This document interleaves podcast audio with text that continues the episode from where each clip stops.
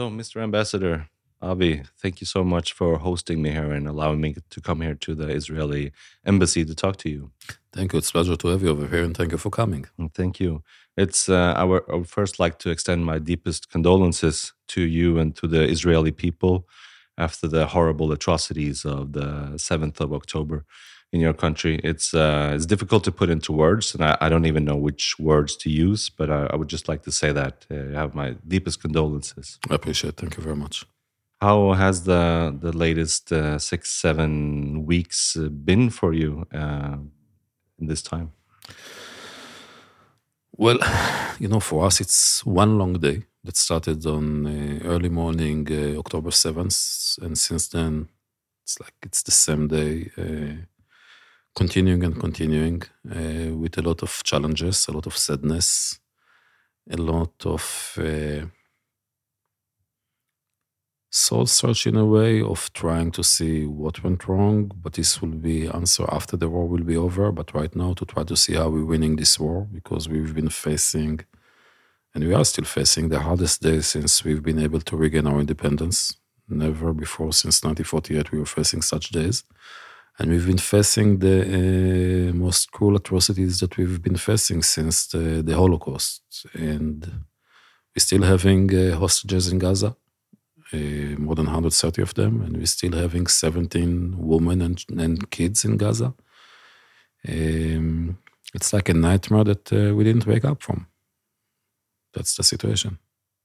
It's also it's like unprecedented because you had lots of attacks, I assume, from from Hamas and from these different groups all the time. But this is something completely different uh, and a different nature.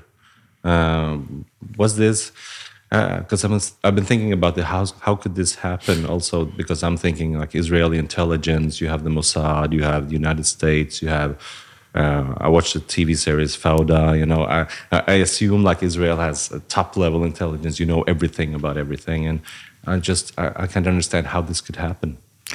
So I believe that there's no lack of intelligence. I believe that we should see uh, all the warning lights in front of us, and they were there. I believe that the reason that we missed it was a misconception. And it was interesting because it was taking place 7th of October, one day after the 50th anniversary of the 73 War, of the Yom Kippur War. And Yom Kippur War was the same. There was a misconception because we had all the signs in front of us and we misread them. And we misread them because we want to believe in peace. We misread them because we want to live quiet life, both for us and the Palestinians. And we wanted to believe that there's a gap between the Hamas leadership abroad, the uh, military wing of the Hamas in uh, Gaza, and the government of Hamas in Gaza. We wanted really to believe that the government of Hamas in, in Gaza really care about the people, of the life of the people that they are leading, the, the people of Gaza. And we saw all kind of signs of warning signs on one hand. On the other hand, we saw uh, the Hamas uh, government in Gaza really trying to export terrorism for us from Judea and Samaria, the West Bank, instead of from Gaza. And we read it as that they want also to have a peaceful coexistence, not necessarily for the long run, for this benefit of their own people. We misread it. And this is why we had this misconception. This is why probably we had this failure because we had all the warning lights in front of us. And we were seeing, you know, Salah Harouri, one of the leaders of Hamas abroad, they couldn't care less about the Palestinians in Gaza. They they're willing to sacrifice them, and they're saying it: give the, give us our give us the blood of your children, the blood of your women. We need it for the spirit of the revolution. What spirit of revolution? Islamic revolution. And he was, after being uh, asked to leave Istanbul because he was finding refuge in Istanbul for many years, he was asked to leave Istanbul and he was finding refuge in uh, Beirut. And we've seen him meeting on a regular basis with Hassan Nasrallah, the leader of Hezbollah, and meeting with the commander of the Quds Force, the Iranian Quds Force. Uh, and we are saying, we are saying they are planning a multi-front attack on Israel. We said it, and we didn't understand what we are saying. It's I must assume that it's also difficult because you're probably getting uh, I just assume that you're getting threats all the time in Israel, and you have to you have to discern which threats to act on because because you probably can't act on everything all the time because you wouldn't be doing anything else. So it must be really difficult, I guess, also in that sense. Um, but uh, what would you say is the new kinds, uh, the new nature of this attack versus uh, previous attacks on Israel? I guess that this time you can see for sure things that we not necessarily we've been able to say before that uh, the Palestinian cause is not important to Hamas at all. They didn't serve the Palestinian cause in any way. They were sacrificing the people of uh, Gaza. If before we could say, you know, this is the government of Hamas, it's their organization, but still they care, care about the Palestinian people, they're taking care of about their education, about the medical condition, and so on. Nothing in this attack. Anyone that was organizing it couldn't see, I don't believe that they could see that in any way they are serving the well being of the Palestinians. Basically, they were sacrificing them for two causes. One is the Iranian cause, because at the end of the day, Hamas is a proxy of Iran. Hamas, like Hezbollah in uh, Lebanon, like the Shia militias in Syria, like the Houthis in Yemen, uh, all of them are proxies of uh, Iran and serving the regional goals of Iran, the regional interest of Iran. This is one. Second is, there are Muslim brotherhoods. Muslim brotherhoods do not believe in, in a nation as a nation. They want to have an Islamic uh, rule over the Middle East. That's the goal. It has nothing to do with the Palestinian a national aspiration, and they were sacrificing them. So basically, the uh, Iran is sacrificing the people of uh, Gaza for their own sake. They are sacrificing the people of Lebanon for their own sake. This is part of the regional, really, uh, struggle of Iran, and this is what this was the difference. This was the first time that we saw Hamas. Always they've been proxy of Iran, but this time they were really sacrificing the people of Gaza for goals that has nothing to do with the Palestinian people and also it was like um, because I think a lot of people has difficulty in in the the moral nuances of what warfare is because I was thinking um, of the hierarchy of warfare. Like on top, you might have soldiers who comply with uh, the re- regulations of the laws of war. So they're not there. They're not soldiers. This is not warfare. So underneath that, you have terrorism people who want to strike fear in the public who do lots of attacks. But I, I don't think that is the right word covering it either. Mm-hmm. So I think underneath that, further down towards hell, you have sadism, where they just where they just have they want to kill people just for the pleasure of killing. They want to they want to see people hurting. They want to just mm, see death for the pleasure of death. I think that is the category that we're that we're seeing here with Hamas, and I think it's perhaps difficult for people just to accept that kind of evil exists at all. I think it's a difficult concept to to to accept.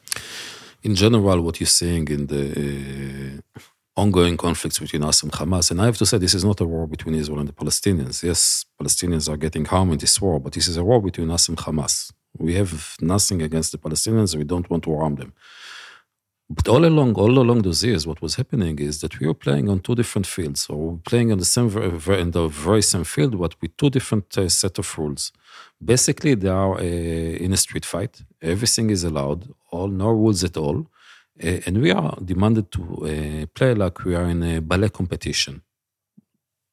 And you're having two sets of rules, and the international community is judging us according to two different set of rules. And what you've seen of October 7 it's not only the brutality that they were having. This was the brutality was part of the, the, the, the tactic. Raping women is part of, of the tactic. Not for raping necessarily only because of the raping, but we want to create fear, we want to harm you. Uh, but even before this, because every time they were shooting rockets on Israel, and every time that the suitcase with money from Qatar wouldn't come on time, they would shoot rockets. And it's not that, you know, Israel is being. Uh, every time being a judge, is it according to the laws of uh, war or not? Every time they're shooting rockets, they're just shooting it, shooting into a civilian population, and then nobody's saying anything. And when uh, October 17th, when the Al Ahli hospital was hit by Islamic Jihad, not by us, immediately over here in Norway, a member of the Storting were blaming us for a war crime. Uh, I was, were asking the foreign ministry to call me to criticize Israel. The next morning, when apparently they found out it wasn't Israel, it wasn't interesting anymore. It wasn't a war crime anymore. It wasn't interesting. But in Israel, Hamas hit the same hospital in Ashkelon three times, the Barzilai hospital. Nobody in Norway was saying anything about it. This is okay. When Hamas is hitting hospitals three times, this is not a war crime. But when Israel is not hitting, but they can blame Israel, this is a war crime. Why do you think that is? Why the discrepancy between how people view Hamas and Palestine versus Israel? Why is it like that? It's a very good question, and I don't have the answer. I believe that this is an answer to ask the people that are, are acting like this. And this is not only when it's about Israel and the Palestinians. I'm asking myself how much those people really support the Palestinians. Because, you know, during the civil war in Syria, there was a refugee camp, Palestinian refugee camp in uh, Syria. 80% of it was wiped out by uh, Assad you didn't see anyone protesting in the street of Oslo on behalf of the Palestinians, which means they don't care about the Palestinians. What they want to is to criticize Israel. And also, um, I'm, I'm, so ashamed of uh, Norway in this situation because we we are actually worse than other Western European countries in our lack of support of Israel, and I don't really understand why. Like even Denmark has much more support for Israel's cause in this. Uh, so the prime minister there were really supportive and standing strong with, with Israel and also in Germany. So the defense minister had a speech on, on Twitter, X, where he said very clearly that we will stand with Israel and uh, we will protect Israel. And why, why the discrepancy from Norway to the other Western European countries? You know, I don't want even. Uh Norway to stand by Israel is standing by Israel. What I want really is to stand by the truth and the facts. Uh, if Israel deserves to be criticized, Israel deserves to be criticized. But what we're seeing over here is that from early stage, Norway was the first country in Europe uh, to blame Israel for uh, breaking the international law. We didn't. When you're listening, uh, political leadership, they will say that Israel is breaking the international law. But international law is based on facts, not on assumption and not about feelings. And then when you're listening to most of the international law experts in Norway, they will say that either that Israel is not breaking the international law, or they will say that it's there are not any proof to prove that Israel really were breaking the international law. So why is it happening? If it's coming from political leadership and it's not coming from the expert, probably there's a little political motivation over there. And for me, this is sad. Again, I'm saying if Israel will be wrong, it would be right to criticize it, not on political uh, ground. And also, if somebody is breaking international laws and regulations, that would be a case for the ICC uh, to have in a court. You can't just walk around and have the justice done on the streets just by hearsay and just by rumors, and everybody's walking around saying who's doing what. You have to do this by legal standards. You know, even if you see someone in the street killing someone else, you'll arrest this person, you'll investigate the case, you'll bring it to court, and as you say, only the court will decide what is the verdict. And if, over here, people are uh, throwing blames against Israel, and they don't need to prove them. But this is okay to say that Israel is uh, breaking the international law, People in the street are blaming us for uh, atrocities, uh, ethnic cleansing, genocide, and this is all okay. This is all okay. And I'm saying, you know what? On October 7th, we've been waking up, realizing our position, realizing that we can trust really ourselves and we should trust ourselves, uh, and realize that some societies should ask themselves what is really happening because it has nothing to do with Israel. It's should it's what's about happening in those societies inside. So we will uh, be strong. We will uh, recover from the October seventh. Some some societies should have really to look deep into them, see what's happening in the media, see what's happening uh, in some other places in the society, and ask themselves how did we, not Israel, how we as society came to these kind of places. Because also, what I find so absurd is that you know, people are actually blaming the victim in, in this situation because Israel is the country that got attacked by a horrible, atrocious acts who who weren't even there weren't even soldiers from Hamas attacking Israeli soldiers or attacking IDF. That would be at least a little bit better yeah. morally. But they weren't that, doing that. They were attacking kids and families and women yeah. in the kibbutz. It's like those are, those aren't even soldiers. Don't, they don't have any weapons. You're just killing them just to kill. Yeah. And and how many? Twelve hundred people. Uh, yeah, as the last last count. And and and for what? Why? How, how did that gain their cause? How did that change everything? How did that bring about any form of peace? This was a bloody terrorist attack on Israel, and then the whole world is gathering not the whole world, but a lot of people are gathering against Israel after that. That's just so absurd. People should rally around your right to self defense. Mm-hmm. And uh, at, at, least some people in Norway are, are uh, speaking up for that as well, but they are the minority of people in the, in the daily news media. But, uh, but you have an obvious right to self defense.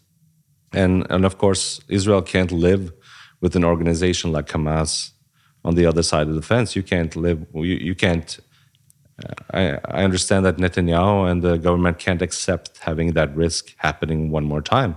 And also, the, uh, they've said that not only did they do that, but they will promise that they will do it again and again right. and again and again. And which country, which government could accept that kind of risk for their inhabitants? So, you know, we're hearing also over here that, you know, it's Netanyahu and his extreme right wing government. It's not about Netanyahu and the government, and it doesn't matter how you tag this government. This is the whole people of Israel. Israel is united as it never been for many, many years before. I was in Boston when it was starting. I was reaching Boston on October uh, 6th. Evening, 7th of October, I was waking up from the news from Israel, making my way back directly to uh, Oslo you had 240,000 Israelis doing the same, coming back to Israel immediately in order to join the efforts to win this war, to volunteer in places that there's need to volunteer. 300,000 Israelis are being drafted to the reservist of the army, joining right now the war. It's not about Netanyahu or about the government. This is about the people of Israel realizing exactly what you said. As President Biden was saying, the status quo of October 6 cannot repeat itself. We cannot have Hamas as a government in Gaza anymore because they proved what they've been able to do killing babies, burning babies, tying kids to their parents with wire and then burning them alive, burning houses down to ensure that those people that were hiding in the security room will have to escape and then they will shoot them, raping women, uh, kidnapping uh, 200 or roughly 240 people, among them the youngest one is still not released, and we hope that he's alive. He was then nine months old, already two months in captivity. Uh, we don't know if they're alive or not alive. It's with, together with his mother and together with his four years old brother, who is taking hostages those kind of kids. And as you said, they're appearing later on on, on TV, on, on camera, and saying we will repeat it and repeat it again and again until Israel will cease to exist. Now, I don't understand why anyone is asking us to have a ceasefire with such organization with Norway itself.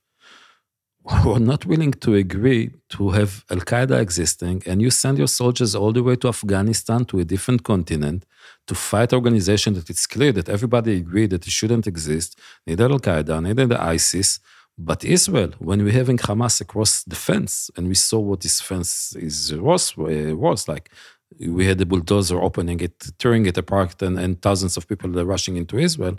Why Israel is demanded to be uh, willing to accept such organization, such a bloody uh, jihadist radical organization across the fence? We didn't ask for this war, but we're going to protect ourselves. And why is Israel being called to agree to a ceasefire? Why don't we hear the uh, governments around the, uh, the, the world calling Hamas to lay down their arm? If tomorrow morning, in a perfect world, Hamas will lay down their arms, will leave Gaza, Israel have no reason to be in Gaza. We have nothing against the Palestinian people. We'll be happy to cease this war. But it's not about us, it's about Hamas. And why don't we hear, you know, everybody is about Israel and Gaza, but there's masterminds behind it, which is Iran. Why don't we hear governments around the world calling Tehran and telling them, tell your proxy to seize immediately with their actions, and if not, we will expel your ambassadors from our capitals. We don't hear it. Over here, people are calling to expel me. Why don't we hear the same call to expel the Iranian ambassadors from all over the world unless Iran is telling Hamas, cease your hostilities, give up. You are not a legitimate government. There's no such a call. Uh, I was going to ask you about Iran because some people have explained to me like the the the metaphor of an octopus, like mm-hmm. like Iran is a big octopus, and one of its arms is Hamas, another arm is Hezbollah, um, another arm is Palestinian Authority. And how much of that picture do you think is true? Is Iran behind all of this stuff? Is uh, are they supporting it, or are, are they actually the mastermind creating the plans for doing all of these kinds of terror attacks? They don't have 100% control on Hamas or 100% uh, control on Hezbollah, but very close to 100%. And for I, guess that the best example for it is the Houthis in Yemen. What does the Houthis in Yemen has to do with Israel and why they've been attacking us with almost 40 ballistic missiles since the war started and hitting a school in Eilat, the southern city in Israel, with a drone from Yemen? Where those people have uh, the money to uh, produce those uh, ballistic missiles? Where is it coming from? They're attacking uh, commercial ships on the Red Sea. Why? What does it has to do if it's not for Iranian interest? So Iran, you know, they're sitting quietly in uh, Tehran, enjoying peaceful uh, situation and sacrificing, as I said, all those countries around us for their own interest. What does the Houthis has to do with us? It's all about Iran. How important do you feel the United States, uh, the support from the United States is to Israel? It's very important. And uh, I guess that, as I said, we had a misconception. 7th of October, we had a misconception. We knew that the threat is there, but we believe that it's not going to happen because they care about their own people.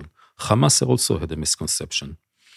They believe that we are uh, weak because of the demonstration in Israel. We had 39 weeks of demonstration in Israel because we are a democracy and we believe that the way to change things if we are not happy, it's by demonstration. They are not a democratic society. They didn't understand that, you know, at the moment of truth, if somebody, if our uh, existence is going to be threatened, people will be united immediately, which what this is what was happening. They are hoping, hoping that they will attack us and while they will be attacking us, Hezbollah will join from Lebanon, uh, uh, Shia militias from Iran, Houthis, but also the uh, Palestinian people from the West Bank will attack Israel, and the Israeli Arabs will join them as well, and Israel will collapse and cease to exist. They had their own misconception. So basically, it, it could always happen if President Biden not it will collapse, they will have other joining. It, it could happen if President Biden won't be going very quickly on camera. And I'm, i was saying that, you know, anyone else that want to join this war, I have only one word for you. But he was repeating this word three times. He said, don't, don't, don't.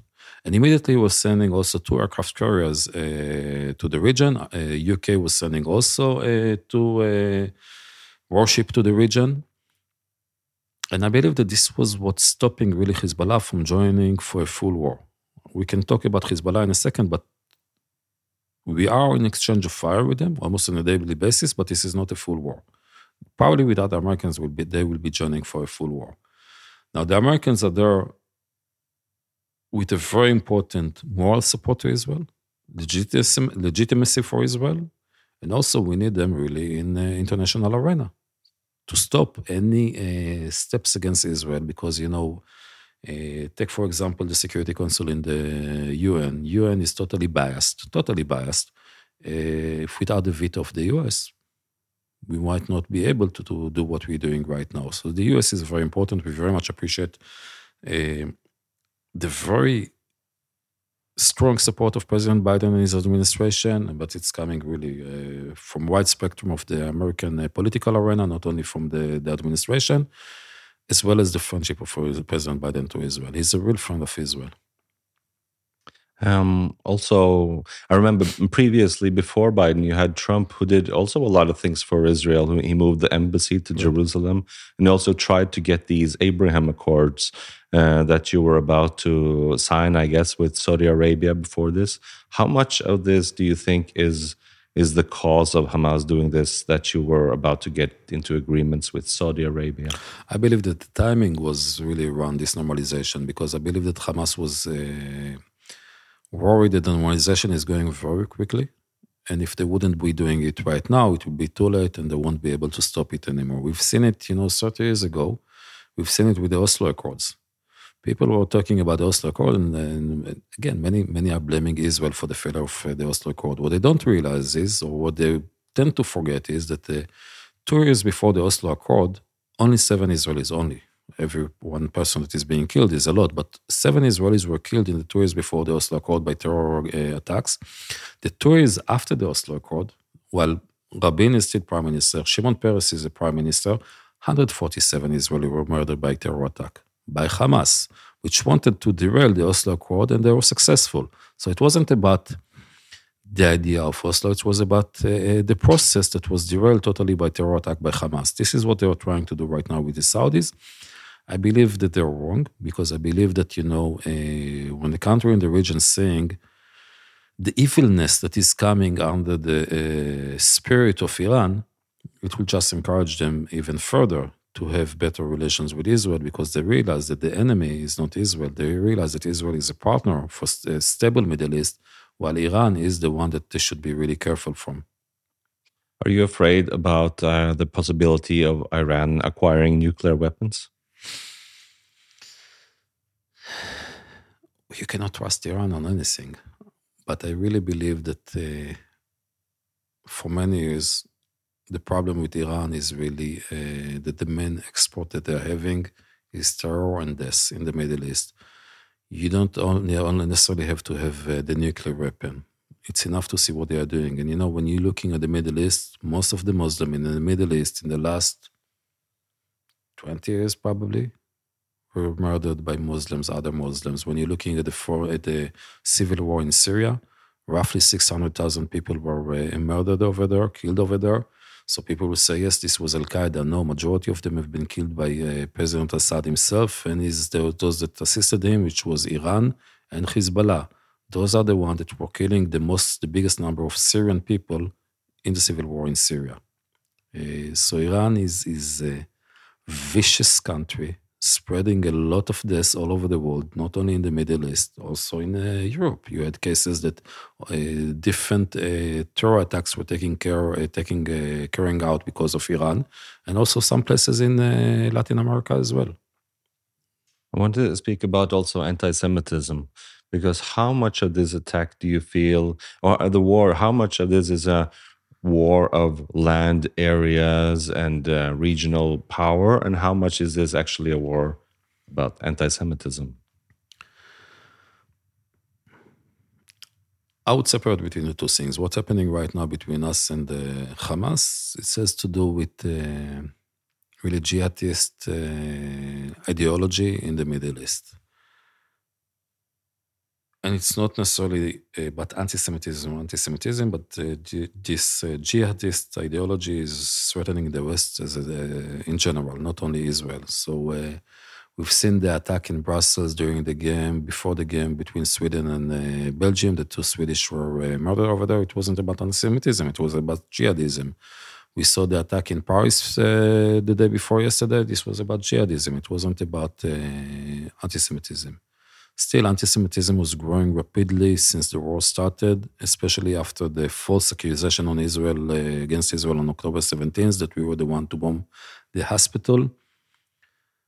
And there's a big, frightening wave of uh, anti Semitism in the world. Um, as I said, Israel is strong enough.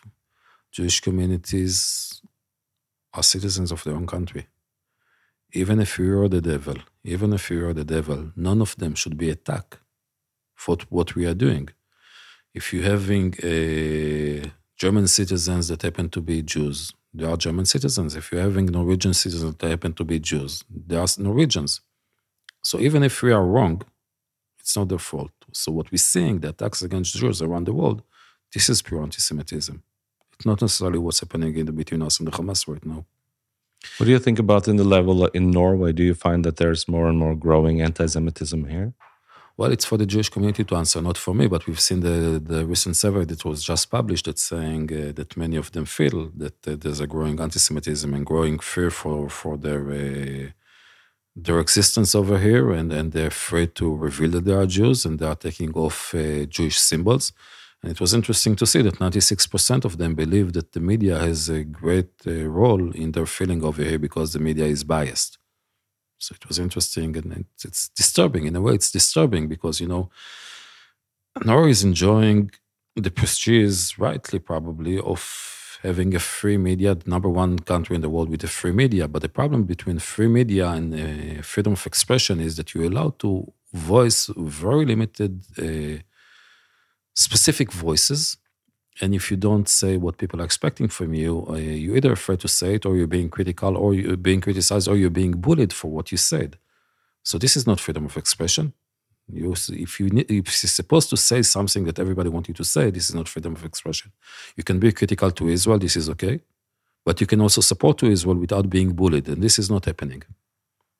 I don't understand wh- how we came there, how we how we got there in Norway.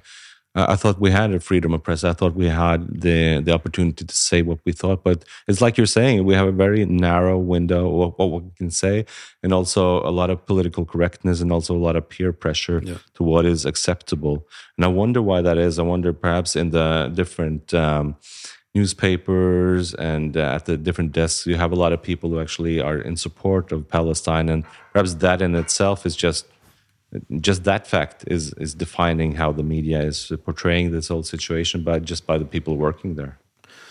So this might be one of the things and, and you have a lot of people that uh, you know when you're seeing you know in the media and in the university whenever you have a debate on the middle east you'll always have people that coming with one specific voice that is critical to israel and you won't have the other voices as well. Also in the academy I mean, you cannot have a real debate if you don't have the two sides, but it's happening over here. We're going to have such a debate in the University of Oslo, uh, I believe it's next week. Uh, nobody that will protect Israel will be there. Everybody will be, all those figures that you know that will be critical about Israel.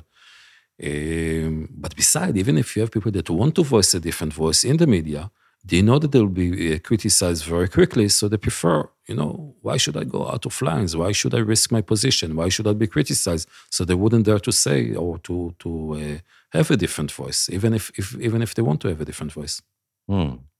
It's uh, I think it's important for democracy and this situation in particular, but also for Norwegian values, like to remember here in Norway what we stand for.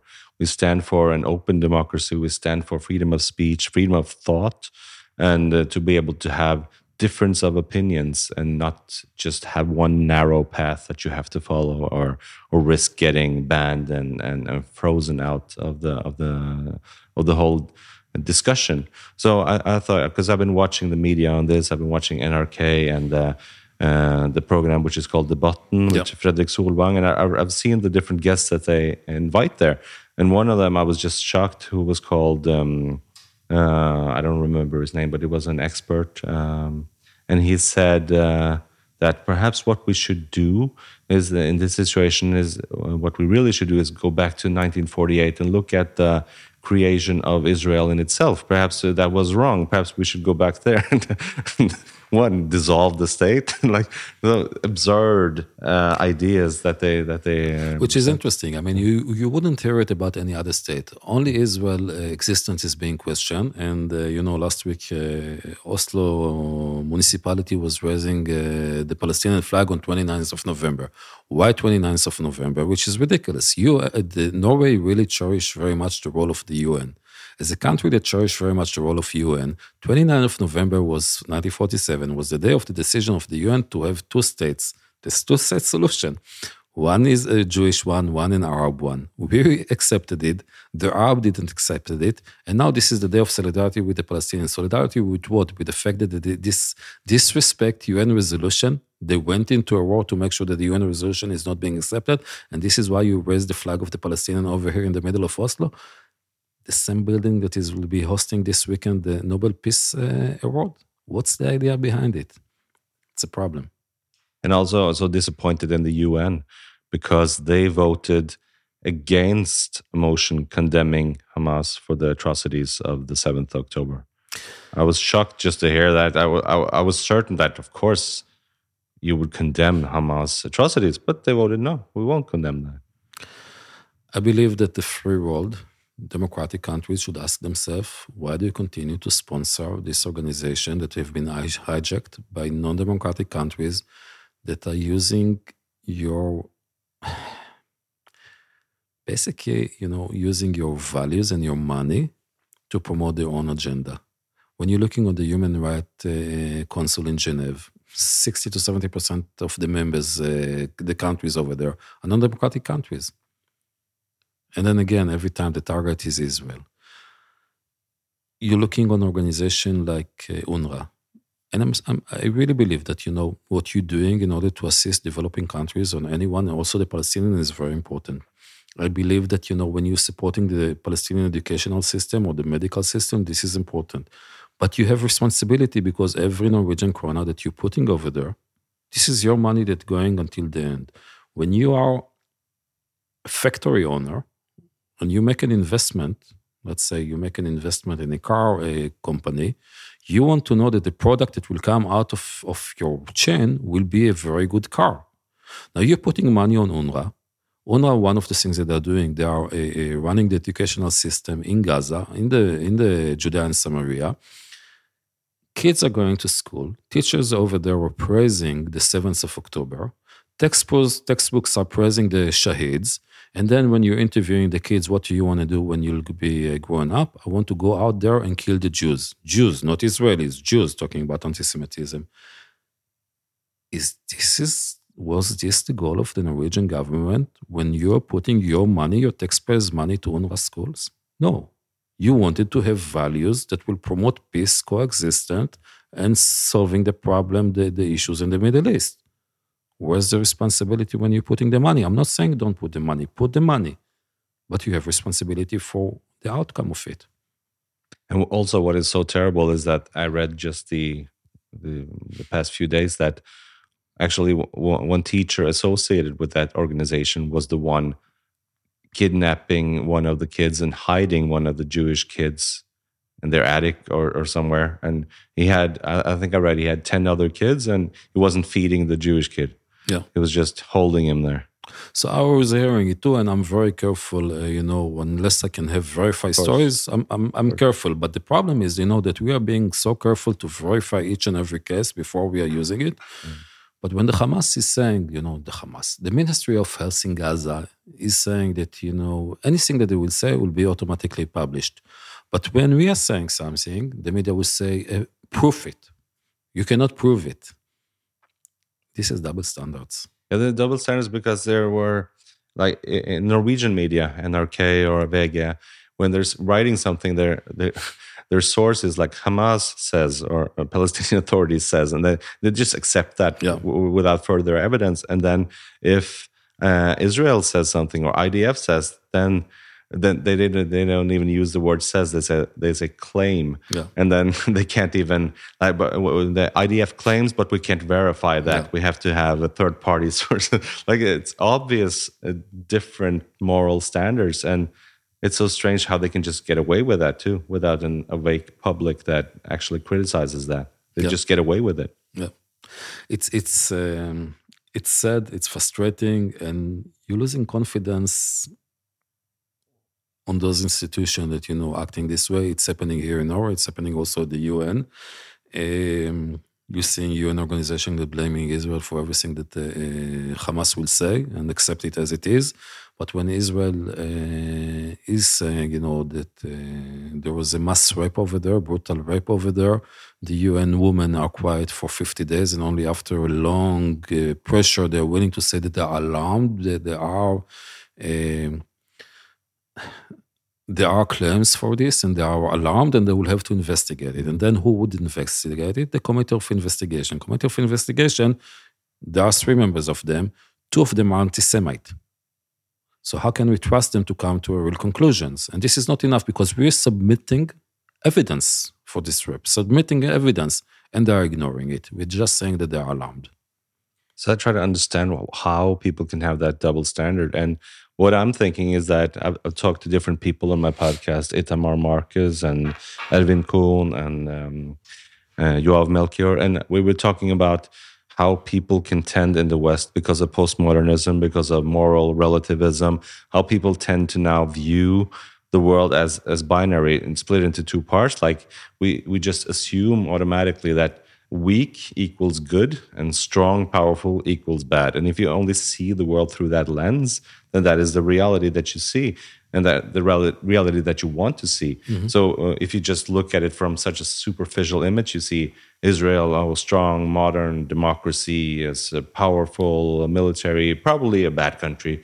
And then you see uh, Palestine, oh, they, look, they're so poor, they're just throwing rocks uh, poor, oh, they're they're weak. Ah, oh, probably good, the good part. So if that is your worldview, then that explains a lot of what we're seeing.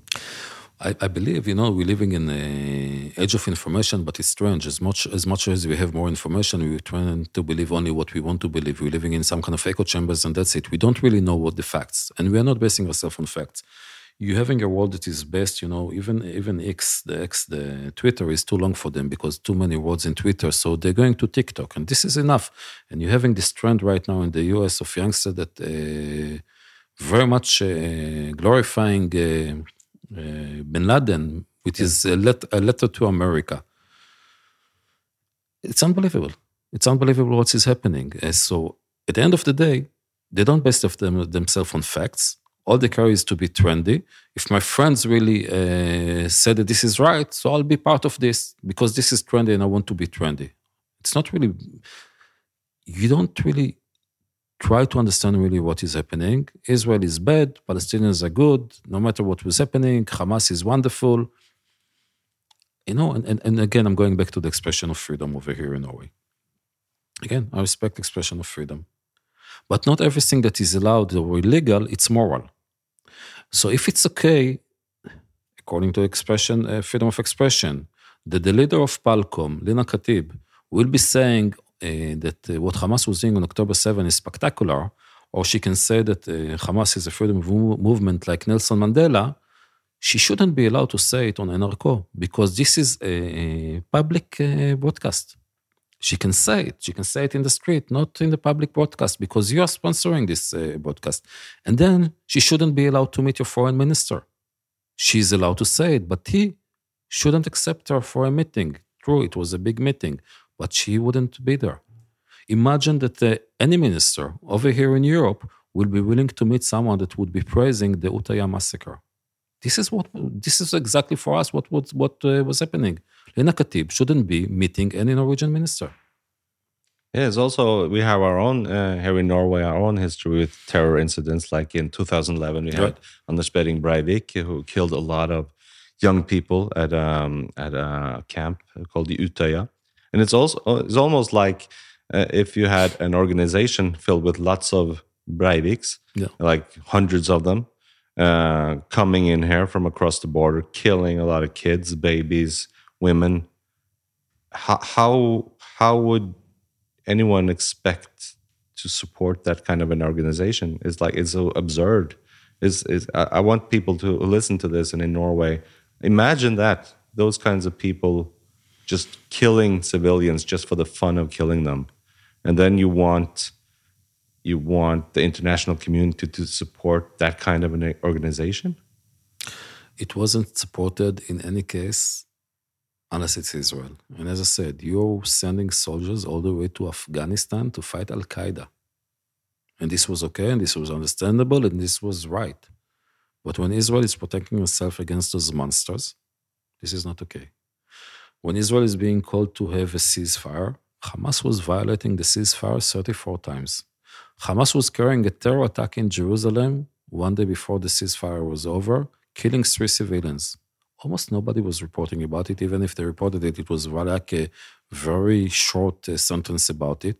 They are breaking the ceasefire that we've been asked to agree to. No condemnation, no uh, outrage about it, but when we were reacting to their uh, breaking of the ceasefire because they're shooting rockets uh, before 7 a.m. the next morning on Israel, we've been blamed by some in the media over here that Israel broke the ceasefire. So then, you know what? This is not Israel's problem. This is Norway's problem. If you have, uh, again, not all the media, you have wonderful people also in the media, but you have too many outlets that are disrespecting the profession of journalism and disrespecting the readers. So this is not a Israel problem. What do you think about our Prime Minister Jonas Gahr Støre's handling of this uh, situation? As I said, we are very much disappointed that uh, we've been criticized for things that we haven't been done. Uh, already on October 13, uh, for siege, that there was no siege over there. Uh, I believe also that the voting on the Stortinget uh, on the issue of uh, recognizing Palestinian state on the right time and as soon as possible was wrong on this specific timing. We know that this is the Norwegian government position. We know that this is what the, the Norwegian people would like to see. But doing it five weeks after the terror attack of Hamas is like giving a, a prize to the Hamas because people will ask themselves, you know what? Why didn't the Stortinget was voting for it on the 30 years after the Oslo Accord, and now after five weeks after the terror Hamas, of terror attack of Hamas, they're already do, all, all of a sudden doing it? What kind of a message is it, not only to us, what kind of a message is to the Palestinian people in Ramallah? What kind of a message is it to the different capital in the region that you know what? Maybe terror is working.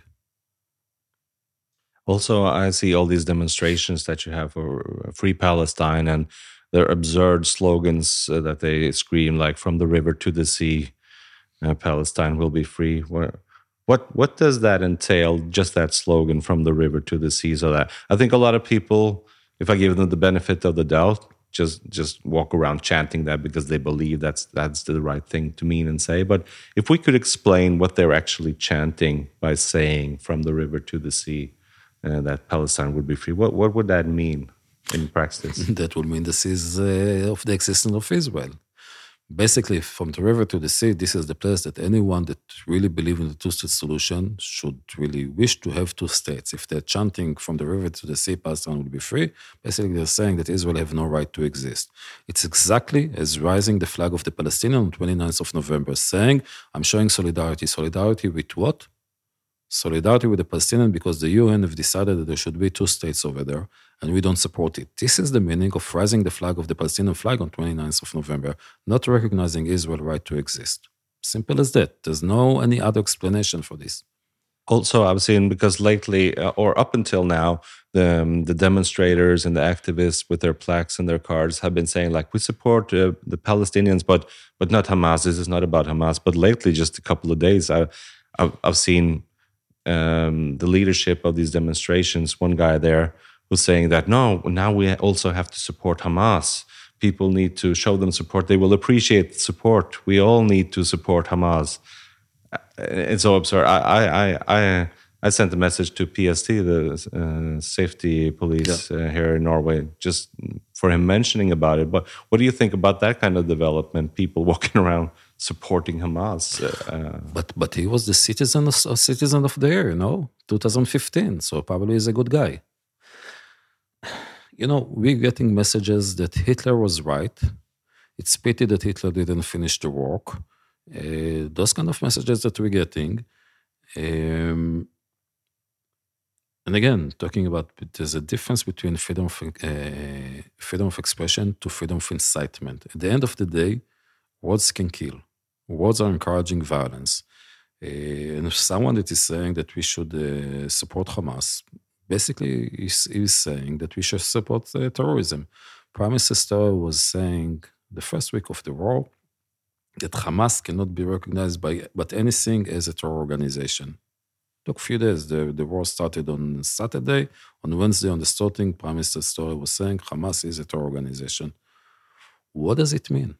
what kind of illegal actions that then you are taking against people that are supporting terror organization those people that are going and the same guy was i guess the one that was leading the demonstration that was going into oslo city during the weekend harassing people that's sitting in a coffee shop why does he have the right to harass people why he's why he has better or more rights than those people that's sitting there paying for the coffee again, what's happening to the society? And why do people still continue to support them? Like, how much evil do they have to proclaim and and speak before people in Norway start to think for themselves? Like, hey, what are we actually supporting here? When does that kind of alarm bell go off in people's minds? And, and you've seen it not only in Oslo, you've seen it in different capitals in in uh, in Europe, and you've seen it also in different places in the U.S. At the end of the day, it's not about the Israeli-Palestinian conflict; it's about your way of life when you sing on 11 of, 11 of November, traditional day of respect in UK of the veteran of the war, the people that were dying in World War One, World War Two, and you sing such a disrespect to uh, the British traditions of honoring their own people, instead taking over by people that supporting uh, Hamas. What does it say? It doesn't say about anything about the, the, the conflict in the Middle East anymore. It sings about the fact that people don't respect your own way of life. And again, people sitting over here during weekend, drinking coffee, why should it be disturbed? What's it like for you personally? Do you feel unsafe? Uh, do you get a lot of threats? Uh, is it? Do you feel like there's a risk for your your life? Well, we know that there are threats on, on Israelis all over the world those days. Really, I don't feel personally. I don't feel threatened. I'm, I'm being protected over here. I appreciate the very good uh, job of the PST protecting me. Um, feel mainly sad because I was coming to Norway uh, really in a good intention of uh, uh, improving the relations and cooperation between Israel and Norway. Again, I want to make a difference between the Norwegian public to what you mainly see. Uh, again, media, streets, and so on. We're seeing increased support in Israel in the, in the general public but it's mainly saddened me. I don't I don't feel uh, threatened. I don't feel that there's a risk to my life, but uh, I feel sad about what's happening. Also, uh, I want to address like the the, the counter arguments that I personally uh, uh, experience a lot if I say anything like on social media or wherever that is uh, in support of Israel. Um, I would like to hear your opinions about about these these arguments that I here is like one thing that I could say is like, look at these atrocities that's happening to Israel, and uh, Israel has a right to self defense. And then one of the things I can hear then is like, how could you be on the side of an occupying state? They are an occupier, and um, j- just that word in itself. What do you think about that? Is Israel an occupying state? Let me start with different. Uh, um, labels that Israel is getting that nobody else is getting. And this is this is a deliberate one. Israel is like the Nazis. What you are doing to the Palestinians is worse, worse than what the Nazis did to you. Hitler was right.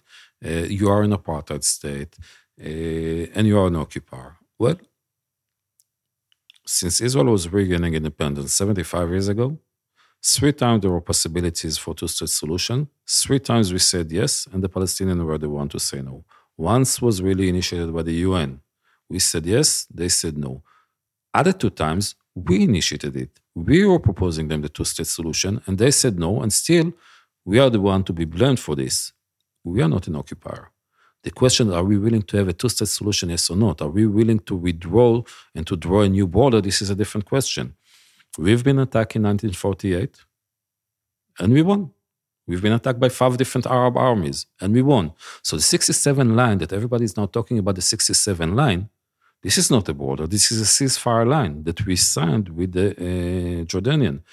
You have to remember that what's now the Palestinian claim to be as their own country, Gaza was not part, there was never a Palestinian state. Gaza was part of Egypt.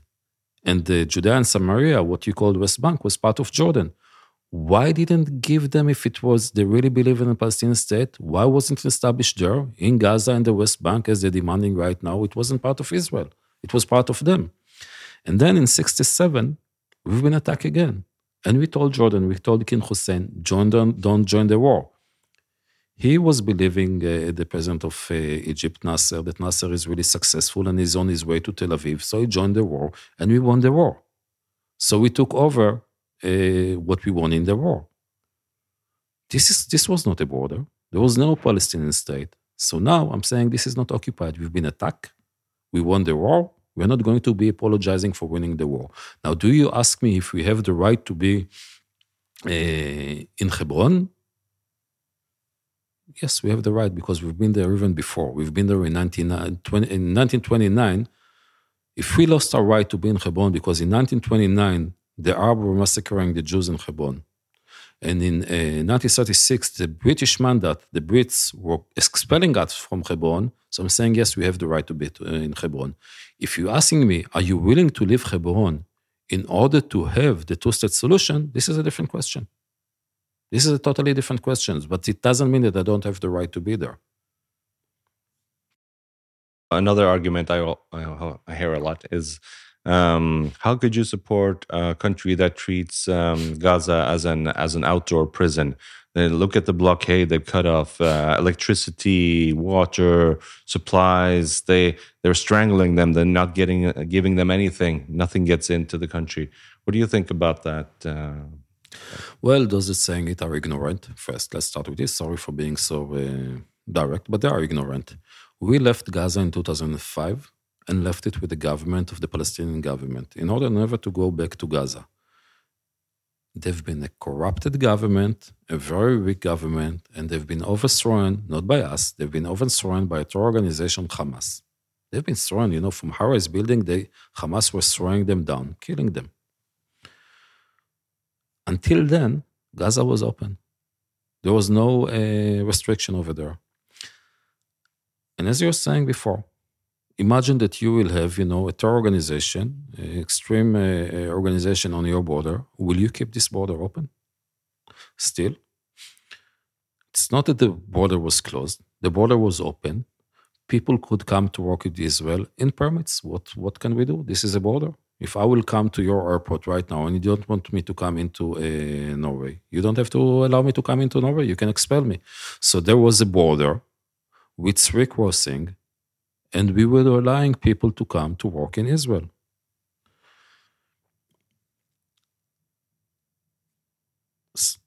Seven percent of the water of Gaza, only seven percent of them were coming from Israel. Fifty percent of the electricity of Gaza was coming from Israel. When the war started, on the very first few days, Hamas was shooting us about seven to eight thousand rockets. They were damaging the six out of the seven cables that were producing electricity to Gaza. We are not going to risk our people right now to go and fix uh, during wartime what they're running. Water, as I said, only 7% of the water were coming uh, from Israel. Basically, there's no lack of fuel in Gaza. It's being kept by Hamas. There's no like lack of uh, water in Gaza, but it just don't supply to the people. So basically, what Hamas is saying, we are not going to fulfill our responsibility as government to the people. You will supply during the war because we don't want to. Now, the humanitarian law is saying something very clearly. According to the humanitarian law, we're not supposed to, we are not supposed to supply anything to Gaza. We are only supposed not to prevent others from giving humanitarian assistance to Gaza. Now, not only that we don't prevent it, we are actively uh, uh, cooperating in bringing in humanitarian assistance to Gaza. So anyone that is saying that we were keeping it as an open prison, um, I want to see those countries having a border with a terror organization, jihadist terror organization, saying, "Welcome to my country." Doesn't work this way. It's like a metaphor would be like if Sweden turned on Norway and firing ten thousand rockets at us, and then the whole international community would say, "Why aren't you supplying them fuel?" Yeah, yeah. Like what? you know, and, and, and you know, you're listening to this different UN organization was saying from the almost first week of the war, saying tomorrow or in two days we're going to run out of fuel. And they never run out of fuel. And then when we were supplying uh, fuel to the Shifa hospital, 300 liters of fuel, Hamas told them don't take the fuel because they wanted to create the crisis. And then they said, uh, but newborn are going to die. We're supplying uh, incubators for the newborn. So we are doing more than we need to do in order to assist them. Hamas was preventing them because Hamas want to use them as a human shield. Hamas want to see them being killed in order to Israel to be demonized because Hamas couldn't care less about their own people. Any other army in the world probably will win this war immediately. We are doing it very slowly, very carefully. You know, uh, you saw the war in Syria. They were throwing uh, uh, bombs all over wiping out cities in Syria. We don't do it.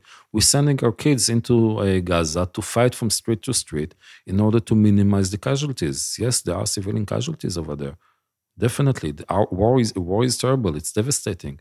But we are risking our, so, our soldiers, our youngsters, to go and fight over there in order not to bomb, uh, you know, like carpet bombing as was done in so many different wars uh, out of Israel. Yeah, I want to address that because I think that is a misconception that people, at least in Norway, have that they probably think that Israel is just carpet bombing the whole of Gaza indiscriminately and just throwing bombs there.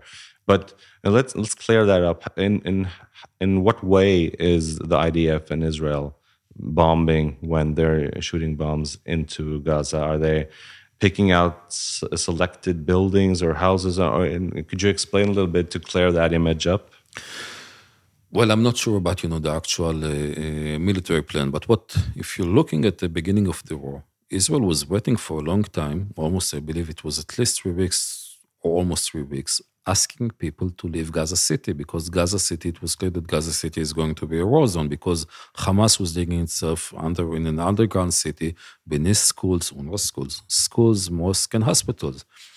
And when we were approaching, we are letting the population to go uh, to go out of Gaza City in order really to go to shelters and to go to uh, places that will be safer. Every day we had almost uh, four hours of what we call humanitarian pause to allow people to leave this war zone. And obviously, we have to take actions in order to reach where Hamas is hiding to try to make sure that they will get out. Hamas was trying to block them from getting out of there because they don't want them to uh, live. They need them as a human shield. But still, it was interesting to see, as much as we're getting closer and closer, for example, for the Shifa hospital, the UN organization were getting more and more nervous, and they were like warning everybody from a, a catastrophe. Why did they warn everybody from catastrophe? Why did the WHO didn't want us to reach a, a Shifa hospital? Probably from the same reason as Mads Gilberts that was saying that, uh, you know, protecting, uh, look what the Israelis are doing and look what they're doing to hospitals, because they knew exactly what we're going to find beneath Shifa, that it's going to be headquarters of Hamas. And it was. And it was so strange to see the whole media saying that, no, Israel is just making this up and they don't have proof. And it was such a, it was such an antagonism against Israel for even saying that. And, and, and then finally, now now they have to accept it. I think, uh, but they're not mentioning it. They're not bringing it up and saying, "Ah, oh, we were we were wrong about Israel." Yeah, they they did have that uh, headquarters underneath there. They're not doing any stories on that. It's not interesting. If you cannot blame Israel, it's not interesting. Yeah. It's it's it's it's. Uh, again, we were opening our eyes wide open on 7th of October. You see that, you know, if you can criticize Israel baseless with no evidence, you will do it. Uh, if Israel proved that what it's saying it's right, it's not interesting. Let's go to the next story.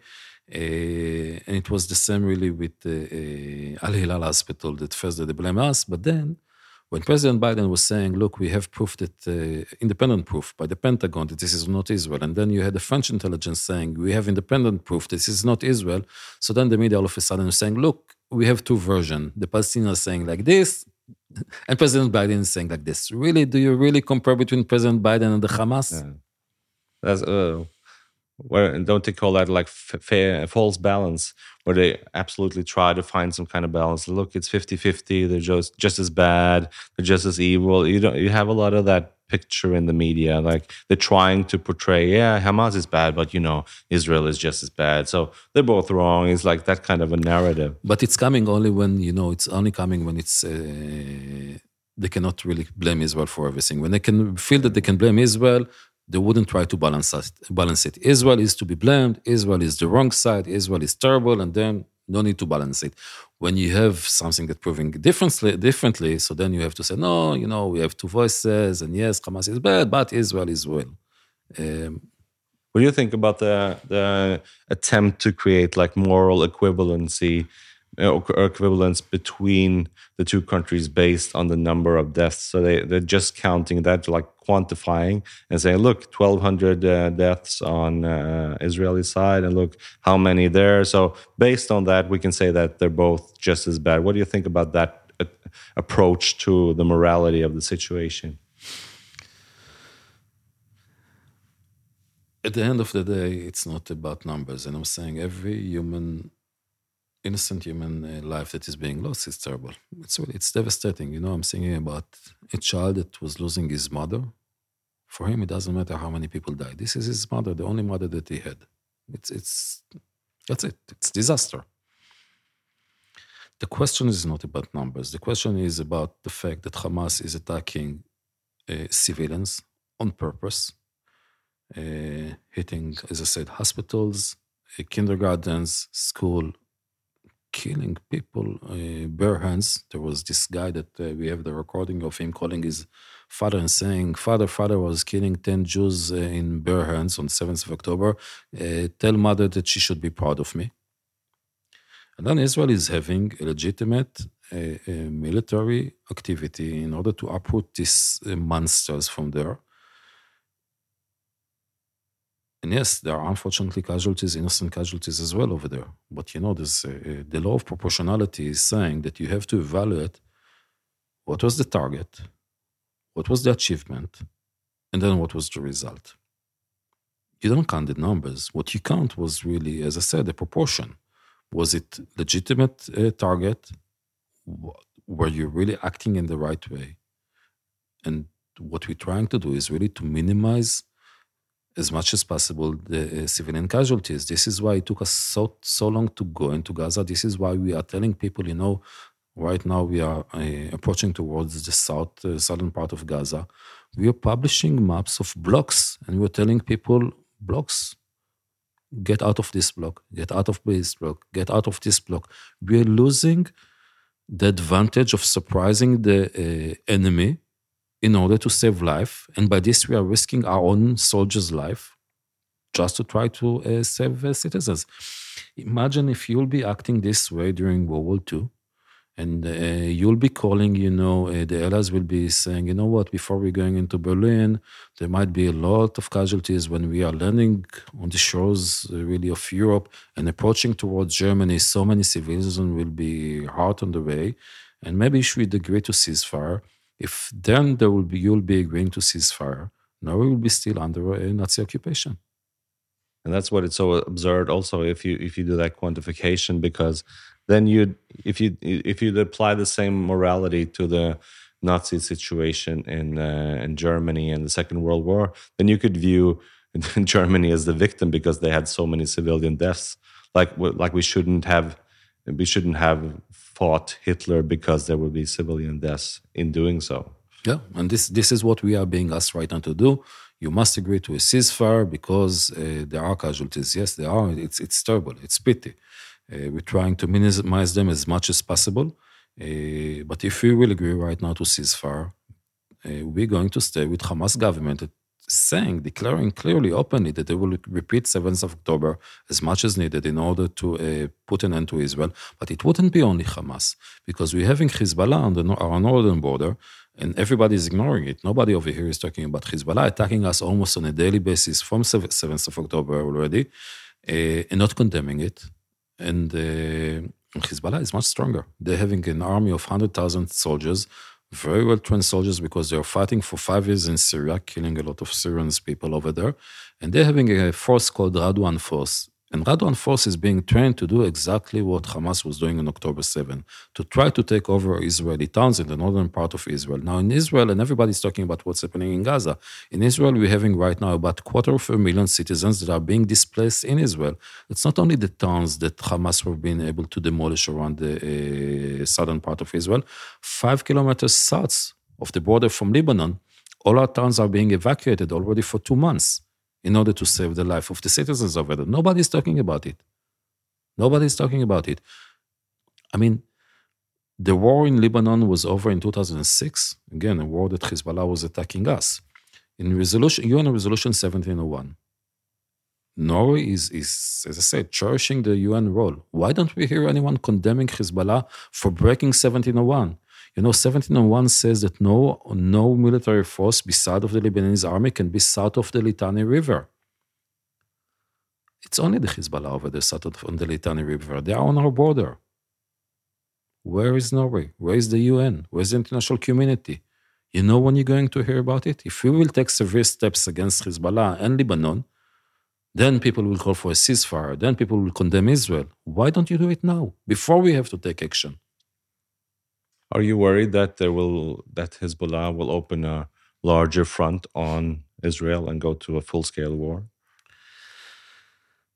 I believe that if they would like to do it, they would do it before on 7th of October, 8th of October. But as I said, thanks to President Biden, it didn't happen. Right now, they lost the uh, advantage of surprise. So probably they wouldn't like to do it. Second, again, they are serving the, uh, the goals of, of Iran and not the goals of Hamas. Uh, and Iran wouldn't like to uh, see Hezbollah going right now for a full scale war with Israel because they need them for the day that they will need them, not the day that Hamas want to have them. And the day they will need them can be it can come on different scenarios, but the scenarios that will serve Iran and not serve the uh, Hamas. Nevertheless, this is the Middle East. You never know when things can get out of hand the war in 2006 started with miscalculation of, of Hezbollah. And Nasrallah was then saying if he would know that this is going to develop to what it developed, he probably wouldn't initiate the attack that he was initiating in, in 2006. So you never know what's how is it going to develop. I hope it's not going to go there, but we cannot continue anymore to agree to a situation that uh, Hezbollah is sitting uh, or standing the uh, south of the Litani River. 1701 uh, should be respected. Only two ways. One is diplomatic one, the other one is a military one. We want a diplomatic one, as was decided at the UN, and we expect UN members to call to fulfill a UN resolution. If not, what's the use? Also, I want to touch upon uh, the Palestinian civilians because I, think that a lot of people try to separate between Hamas, Palestinian Authority, and the civilians. But I had Itamar Marcus on, who is the leader of Palestinian Media Watch, on my podcast. And he was talking about there been a, a survey from AWRAD, uh, Arabic um, agency that does surveys, who was actually based in Palestine. Um, and they found that 98% of Palestinians felt proud of their Palestinian identity after the 7th of October. What do you think about those numbers? First, it's shameful. No one, no human being should be proud on atrocities as Hamas did. No, who can be proud on burning children and, and uh, raping women? But at the end of the day, you know, our fight is uh, with those that fighting us and not those that uh, hate us. At the end of the day, we will have to have peace with our enemy. And until now, if 98% of the population are proud of what Hamas did, they are probably our enemy. Nevertheless, we wouldn't take any steps against anyone just because of what they believe in and what are their thoughts. But if Hamas is attacking us, and if Hamas is using uh, uh, such atrocities, we have a fight with Hamas, not with the others. It's interesting, on the contrary, to see the reaction of the Arab population of Israel.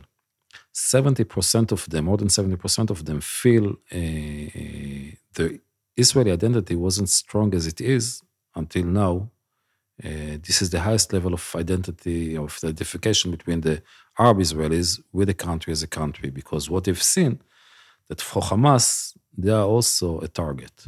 We, you had so many casualties uh, and so many deaths among uh, Muslims during the Hamas attack, and they knew that they are Muslim.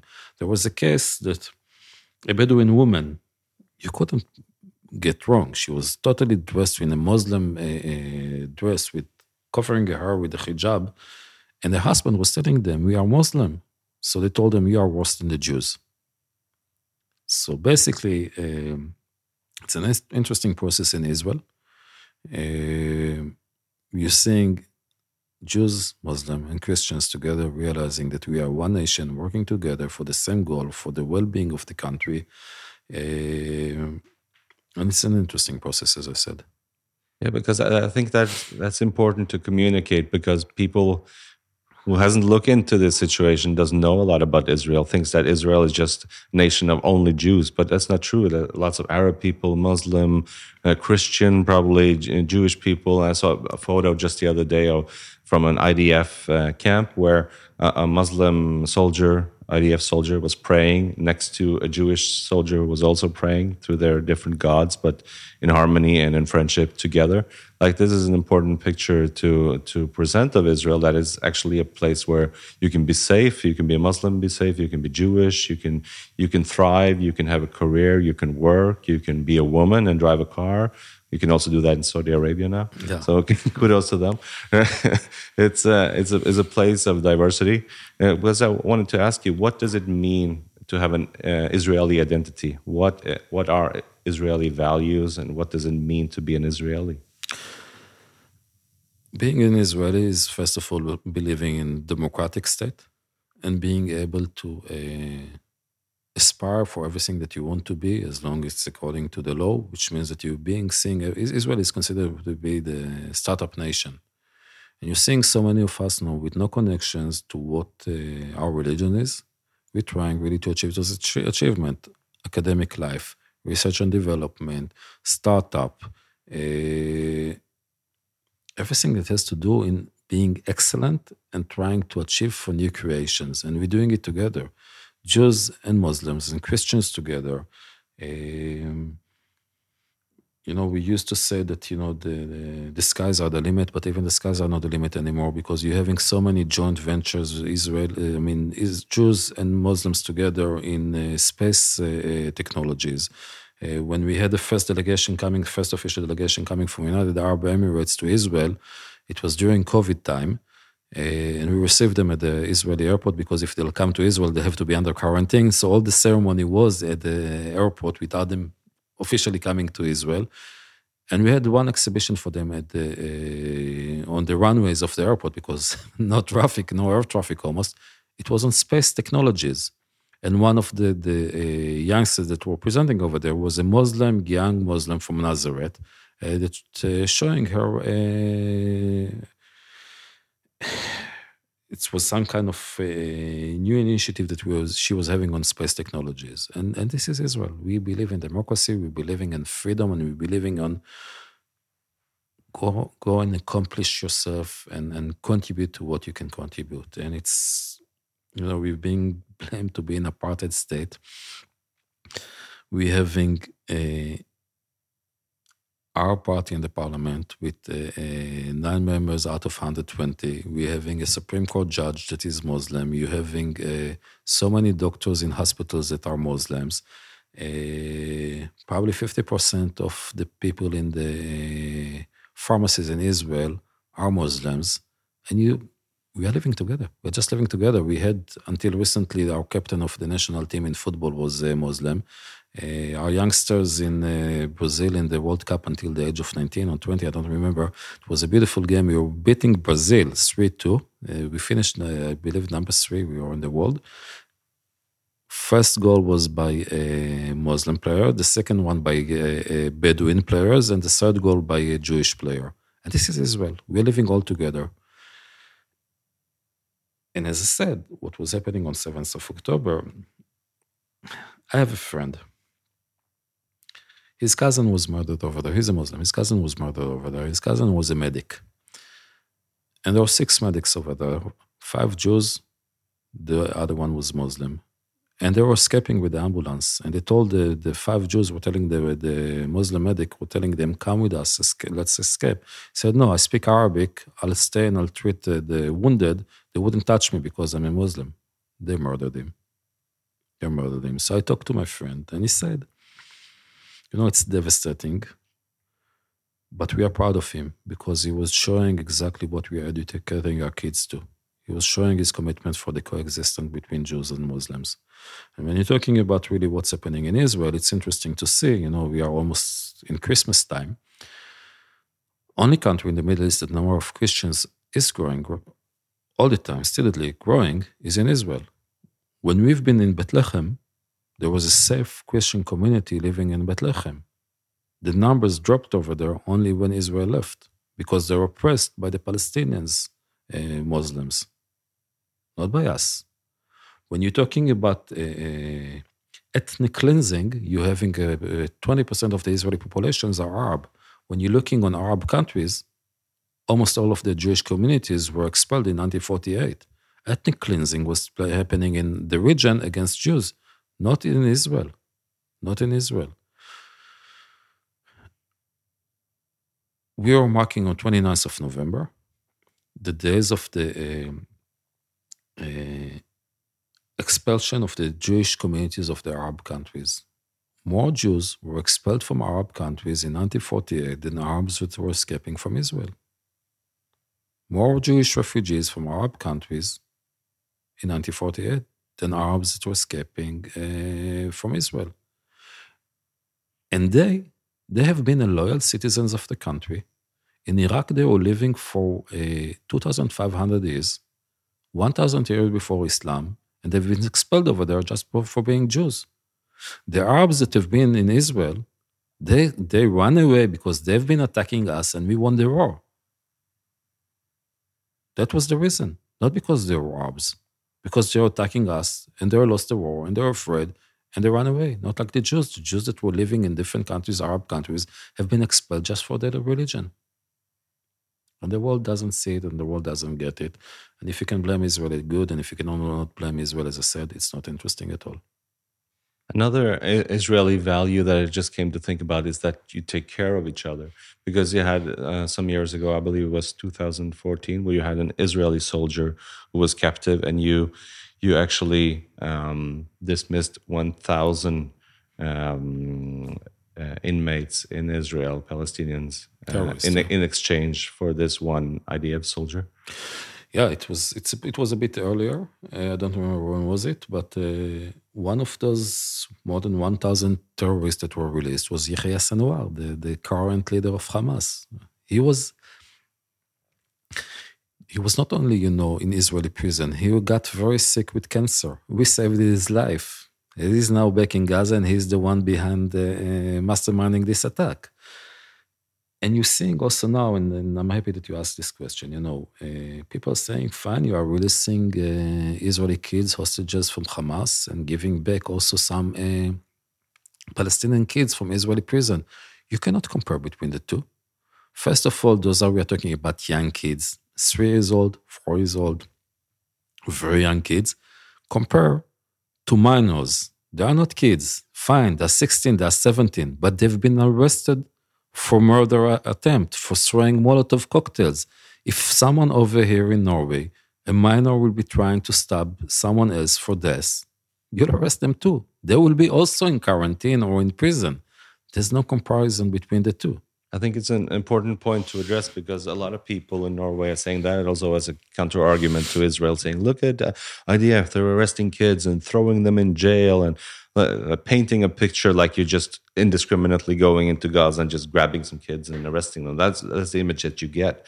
But they're actually, uh, first of all, they're in the school system, they're taught like if you see a Jew, go and kill him almost, like not even almost, it's literally. Yeah. That's what they're taught. And then you have these situations I've also seen them on video where you have young kids, 16, 17, grabbing knives and just trying to attack Israelis. And what are you supposed to do? Like, how, how do you handle that situations when you have people under 18 kids and doing these kinds of things? Are, are they brought to a court and, and uh, how do you handle it? Sure, they, bring, they are being brought to a court like in any other country. I mean, if, if you will have minors over here, uh, involved in a murder attempt, you'll bring them to court and you'll judge them. That's that's the right of society to be protected. Uh, and we've seen those that have been arrested. I mean, the decision of the government was not to release anyone that has blood on their hand. What does it mean, blood on their hand? That they were successful in their attempt to murder and they've been uh, being able to murder. But uh, all of them were involved in, in uh, terror actions, successful or not successful. But those that were not successful have been released. But they were trying to stab people. They were throwing Molotov cocktails. Those things killed. The, the, the issue was that they were not successful. This is why we released them. People are walking around thinking that it's just innocent kids, like like Israel is just grabbing them to be cruel yeah. and evil. And, and that, that's when I'm saying that, I'm, I'm thinking about uh, we should also address how people view Israel as uh, as Israel's actions now towards Gaza is one of vengeance and of uh, trying to get revenge. Like people, I think a lot of people think that that is what's happening, but obviously Israel is trying to get Hamas. Is not. It, it doesn't seem to me like an act of vengeance and of revenge and. I guess that in any as in any other society after terrible attacks on 7th of October, I guess that some people in the population of Israel would like to have an revenge. I guess some of the people. The army and the government has an, a very clear goal, two goals. One is to release the hostages. Second, to uproot uh, Hamas uh, capabilities. When you're talking about Hamas capabilities, to eliminate them also two, uh, two goals. One of them is to eliminate them as a military power. Second is to eliminate their government capabilities. It's not about killing all of Hamas. It's not about killing anyone. If Hamas tomorrow will say, fine, that's it, we live in Gaza, the war is over. We have no reason to be there. Um, we're not enjoying the situation. We don't want to risk our people. We don't want any innocent people to die on the Palestinian side. You know what? We don't even want uh, all Hamas people to be uh, killed. This is not our goal. Our goal is to make sure that we don't live next to our border, behind the fence, with the government of a terror organization that is capable of doing and saying that they will repeat what they're doing in 7th of October. That's the goal.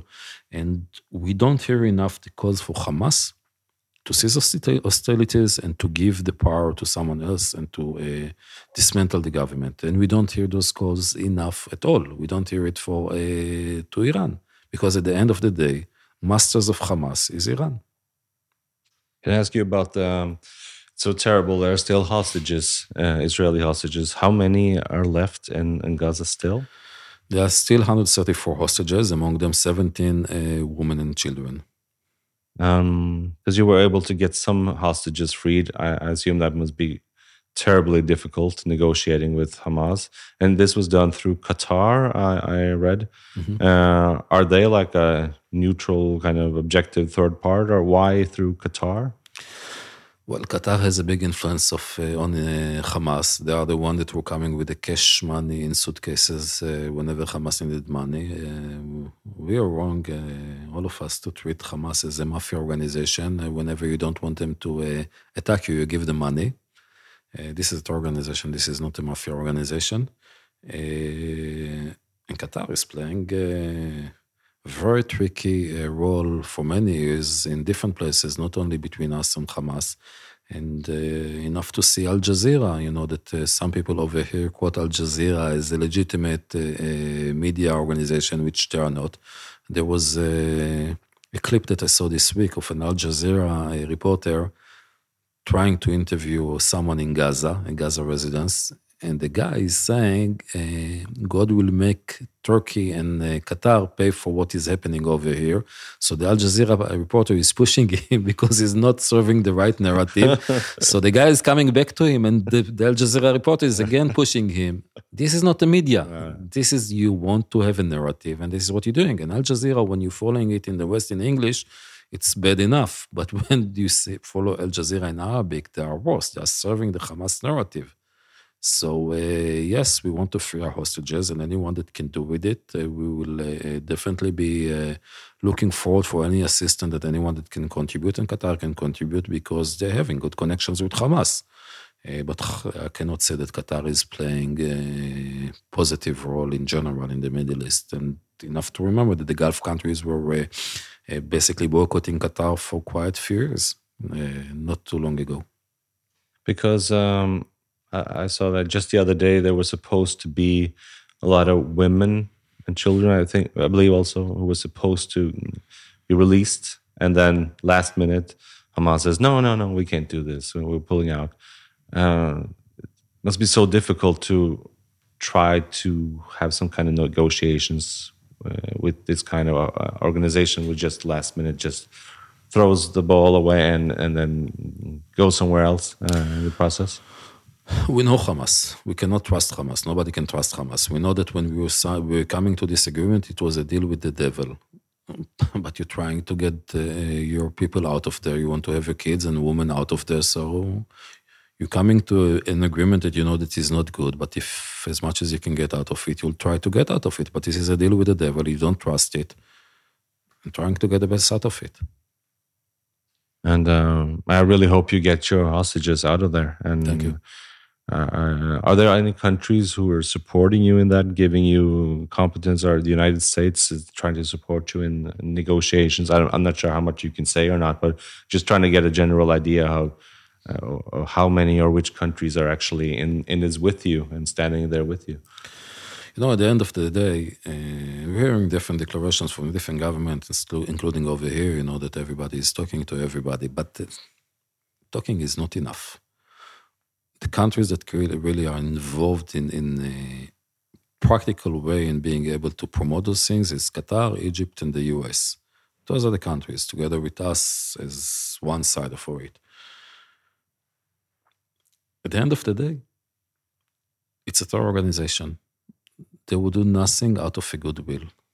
So you need to press them and to, to pressure them. And I really believe that uh, what is not being done and what should be done is to call uh, Iran and to make it clear to Iran that if the hostages are not going, going to be released immediately without conditions, Iran is going to pay a price.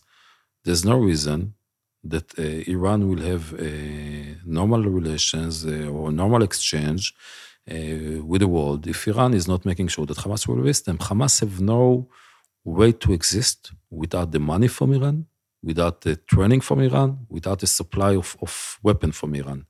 So Iran should be called and said, we expect you, we demand from you to instruct, instruct Hamas to release the hostages now, or you will bear a price too, and it's not happening.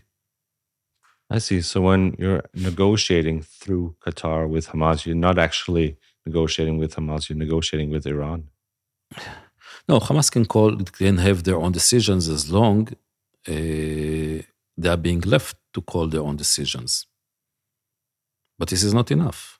Because at the end of the day, if Iran will give them instructions, they will have to follow. They will have to follow, but they don't do it. And nobody's asking Iran to do it. So as long as Iran is not being pressure, Iran has no reason to, put pressure on Hamas. They are very happy with what Hamas is doing. They are very happy with what Hamas is doing. And this is why they should be also uh, addressed and being asked to uh, demand those things. Not not ask to, but demand to. I also want to address because uh, that's a different counter argument that I see the last few days on social media. It's so stupid. Is that people are saying that look, uh, Hamas are so are the good guys. Look how happy the hostages are. They're even giving them high fives and hugs when they're they probably have a good relationship. They were probably fond of each other and got good friendships. And are you so stupid? Don't you see that this is propaganda? And, and what what do you comment on that? Those, those things. Not more much than what you're saying. It's stupidity. I mean, the people were uh, under almost 50 days uh, being kept as hostages in terrible conditions. Uh, lack of food, lack of water, not allowed to get shower for 50 days, and then uh, your captures are telling you now you have to wave. So they're waving. What are they going to do? They still, when they are going out there, they don't know if they're going to be released. They have no idea that they're going to be released. They don't know that you know Hamas is not playing with them. They're using psychological warfare against them for 50 days. Uh, you know, there was this uh, mother with twins, three years old twins they took her, uh, one of the kids, three years old, 10 days away from her. What does she know? What does she know? And then the, the, one of the mothers was asked to write a letter of praising of Hamas. What can she do? And anyone, anyone that doesn't understand it, it's a shame. It's a shame that we're living in a world that people really willing to believe that Hamas is wonderful. How come they became so wonderful after raping those women, burning those kids? What do you mean that they are wonderful? It's ignorance. You know what? Stupidity is, is, is a compliment for those that saying that Hamas is so wonderful. And also, the the woman that you were talking about is that the woman who had like red hair, and the, the kids also were red haired. Uh, and they were not released, and Hamas they, now claiming that they are uh, killed. Ah, that's so terrible. Because I remember the video of them. It's yeah, and, and, and, they've been kidnapped. You've seen they've been kidnapped when they are uh, not harmed. So how come they've been killed when they are in captivity? Mm-hmm. We're having uh, quite a few hostages that we know that have been murdered uh, while they've been in captivity. The wonderful Hamas uh, freedom fighters, yeah. Why do you think they took uh, captives in order to get their, their, their terrorists out of jail, out of Israel? Was that, you think? This is part of it, but you're seeing uh, the new demand. The new demand is saying that we will be willing to release the, the rest of the hostages only when the war will be over. I see. So basically, this is some kind of insurance for them that you know uh, they ho- they hoped uh, that Israel will be willing to uh, to seize the war uh, just for the return of the hostages. And I'm saying, you know, it's like imagine that you have a neighbor, you're showing a wall in an apartment building with a neighbor. The neighbor is coming into your house, raping your wife, killing her, killing your son and kidnapping your daughter. And he says, you know what? Uh, I'm willing now uh, to give you back your daughter as long as you don't uh, take any actions against me. This is what we are being asked to do. It's an impossible situation. Yeah. But it's so strange also that they took captives. Why would they kill them during captivity if their value to them was to be able to have a bargaining card? Two of them were probably uh, murdered when we were approaching towards the Shifa hospital. they were keeping hostages in Shifa Hospital, and probably two of them that they were not being able to uh, escape fast enough. When taking them, it will be, uh, you know, uh, risking them. So they killed them uh, next to the Shifa Hospital. Others we still don't know. But we know that uh, this week we've been able to pronounce, I believe, about four or five of them as being killed, and some of them maybe because of lack of treatment. You know that they've been wounded and lack of treatment. Uh, one of them that is still alive, and she was returning to Israel. She was uh, operated by a vet. Um, some of the, I think it was the Thai workers that were saying that they had to eat toilet paper in order not to starve so absurd and terrible to listen to and also um so i'm going to ask you um just to be able to treat people like that what is what does that say about it's like you've you've resigned from humanity. It's like you're not even it's not even within the realm of humanity to be like that towards another. I, yeah I, I listened to ben shapiro on the daily wire in the united states and he he had a monologue where he said that I, I, never think that I would say this, but Hamas is actually worse than the Nazis during Second World War because of at least the Nazis tried to cover up what they did, try to hide it, while Hamas is actually GoProing the whole thing, proud of it, and sharing it with the world, and calling home and look, mom, I, I killed ten Jews today. Aren't you proud of me? Yeah. Like, yeah. So I wouldn't compare between the two things, but you know, at the end of the day, taking photos of it and being proud of it, this is part of the terror. Um, like the rape was part of a terror. This was intentional rape in order to create fear, uh, humiliate. Uh, and this is what they want to spread around the world because they believe that it's going to serve them in front of other really uh, players in the region.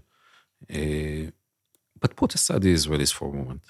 What does it say about them that they are willing to make their own people suffer, to sacrifice their own people, to keep them as a human shield.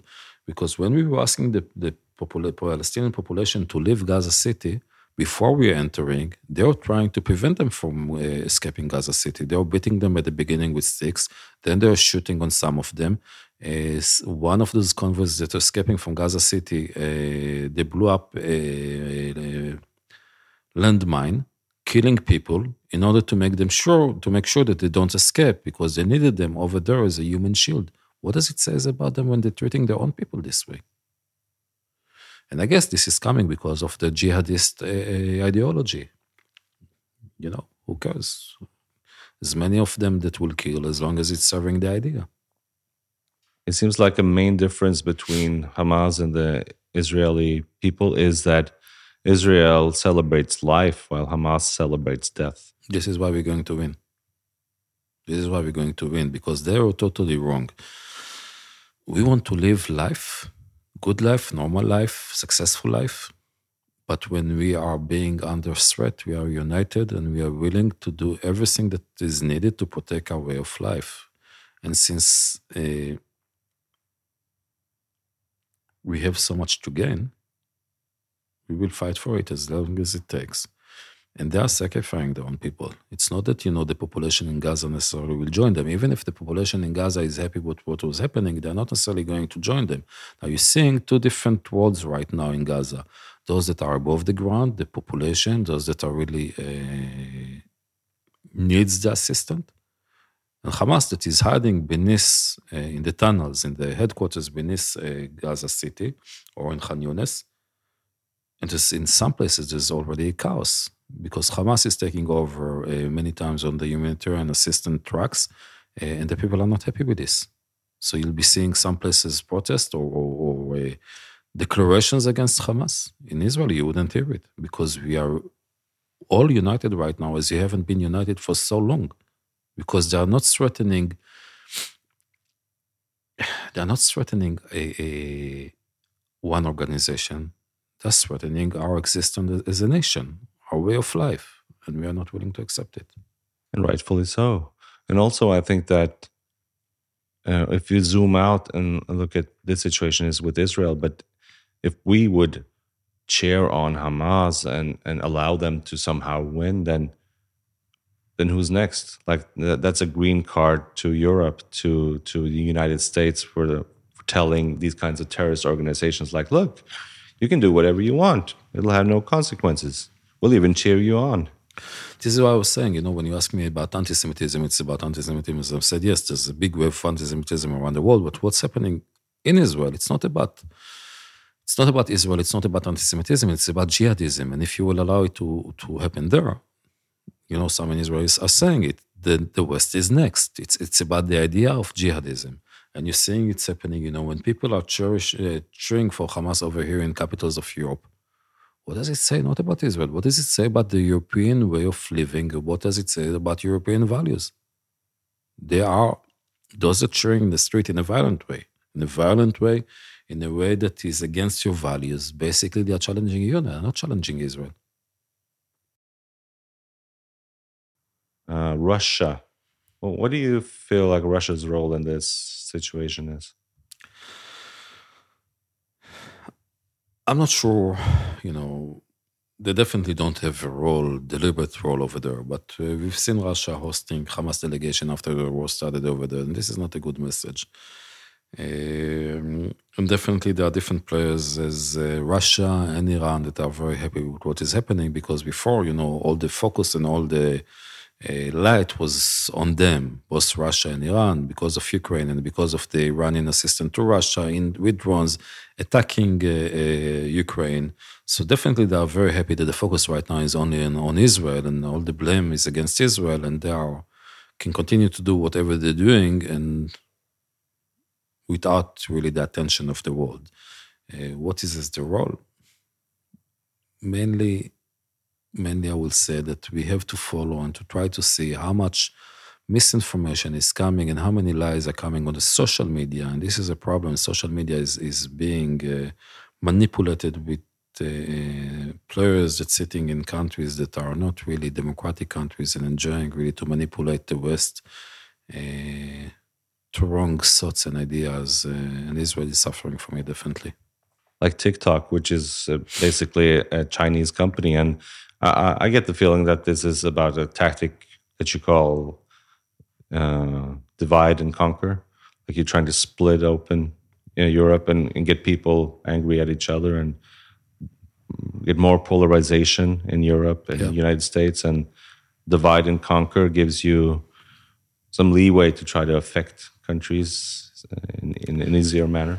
I, I believe that, you know, the values of the free world are important and they are the right values and democracy is the right way of, of governing the problem is that you're having so much non-democratic societies and countries that are using the values and the practice of the free world against the free world. And you know, someone was telling me over here about Hamas, but Hamas won the elections. I said, yes, but the Nazis also won the elections. Does it make them legitimate? Uh, and the fact that you know uh, they, they are trying to manipulate the sorts of the people, trying to polarize societies in order to serve them, we should be much more aware of this, and we should really stand as one, the free world, in front of all those non-democratic countries instead of letting them play with our minds. Instead of going to this lunatic idea that is happening through TikTok right now in, in different countries with the letter to America and Bin Laden was so wonderful. Uh, why won't we have next year uh, Bin Laden Day? Yeah, it's, it's, the same thing. Yeah. And also, um, before we wrap up here, what uh, what what do you see as a solution to all this? Where, what's the end game? How how where where would you ideally as Israel end up in this situation? What's the what do you think the solution is? Let's say you you get to defeat Hamas and rid the world of Hamas. Then what? Then what happens? How do you how do you get a sustaining situation that you can live with? Well, we left Gaza in 2005 in order not ever to go back to Gaza. We have no intentions to be in Gaza. Our only intention is to get rid of the Hamas government and to ensure that the one that will be in Gaza, it's not a terror government. In order to reach the, this day after, and let's say, let's say that I don't have much of a difference between the Norwegian government position about what should happen in the day after to my position. Let's say so. you cannot reach this day after unless you uproot Hamas, unless you make sure that there's no Hamas government. Because if you want to have a civilian, peaceful government in Gaza, you cannot reach it without getting out of Hamas. So, first, let's finish with the war. First, let's agree that this is a common goal of the free world. If you want to reach the day after, if you want to reach a free government over there, a peaceful one, stable one, let's agree that you we we have the same goal right now to uproot the terror government that's existing over there. And the day after, as I said, Gaza should be without Hamas, and we don't have any intentions to be there. There should be something that will uh, ensure peaceful, flourishing society over there. How is it going to be? It's too early. We didn't finish this. Uh, we didn't win the war yet. Hmm. And uh, with the hostages, I really hope that you get the freedom. I I I read somewhere that Netanyahu in the early days uh, wanted to go for a military solution to just get in there and get them out somehow militarily, but that um, but that they discussed it and, and wanted to go for uh, negotiations instead. And I really hope that you're successful with those negotiations and that you that you get them out. That that must be a main priority, I, I assume. It's a main priority, and you know what Netanyahu thought or didn't thought. It's nobody can know because you know when you're dealing with, uh, as I said, with the devil organization like this, whatever you say publicly doesn't mean that this is really what you want to achieve. You don't you don't uh, play with uh, open hands. You don't play cards with open hands. So Netanyahu is in a position that he has to calculate very carefully what is the right way to uh, play the game in order to achieve the best result for the hostages. Uh, we proved in the past that uh, whenever we can uh, release our hostages, uh, we will do our best. If we have no other choice, we'll use force for it. Definitely, we'll use force for it. But whatever Netanyahu is saying on record, uh, don't forget this is part of the game. it's a mind game between sick minds of uh, Hamas and uh, Sinwar, and we have uh, somehow to, to play the game in a way that we will achieve the best result for our hostages. We want them back, we want them safe, we want them alive. Um, I don't know if you've seen the video that videos that coming out of Israel when the hostages were coming back home. Hundreds of people waiting in the streets with the Israeli flag, so happy for them this is a moment of joy for us, and it's a moment of a great sadness to know that so many of them are still being kept as hostages. Really hope that they get home safe, and I, sure. I pray for your hostages that are still, still there in Gaza in the tunnels or wherever they are. Um, and I, I, thank you so much, Mr. Ambassador, for speaking to me. And I wish all the best to you and your family and to the Israeli people. Thank you very much. I appreciate your time. And I'm wishing uh, that really the Israeli Norwegian uh, relations will know how to overcome uh, the disagreement and the uh, differences that we have between us right now uh, with the governments. I hope so too. Thank you. Thank you.